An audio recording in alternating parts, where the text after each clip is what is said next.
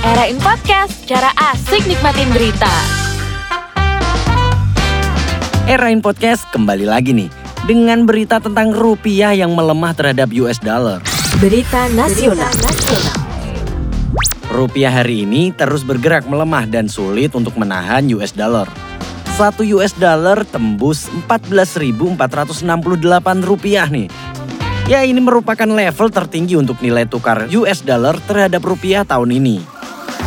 FYI nih ya, US dollar sempat berada di posisi puncak dengan nilai tukar 14.730 rupiah, tepatnya pada 29 September 2015. Penguatan US dollar sejalan dengan naiknya suku bunga The Federal Reserve pada waktu itu. Nah sejak saat itu, US dollar nyaris gak pernah menyentuh angka 14 ribuan nih.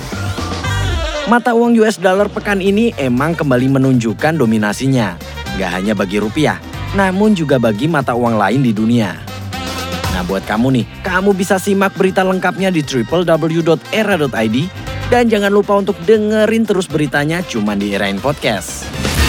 Era in Podcast. Cek berita gokil lainnya, of course, di Era in Podcast.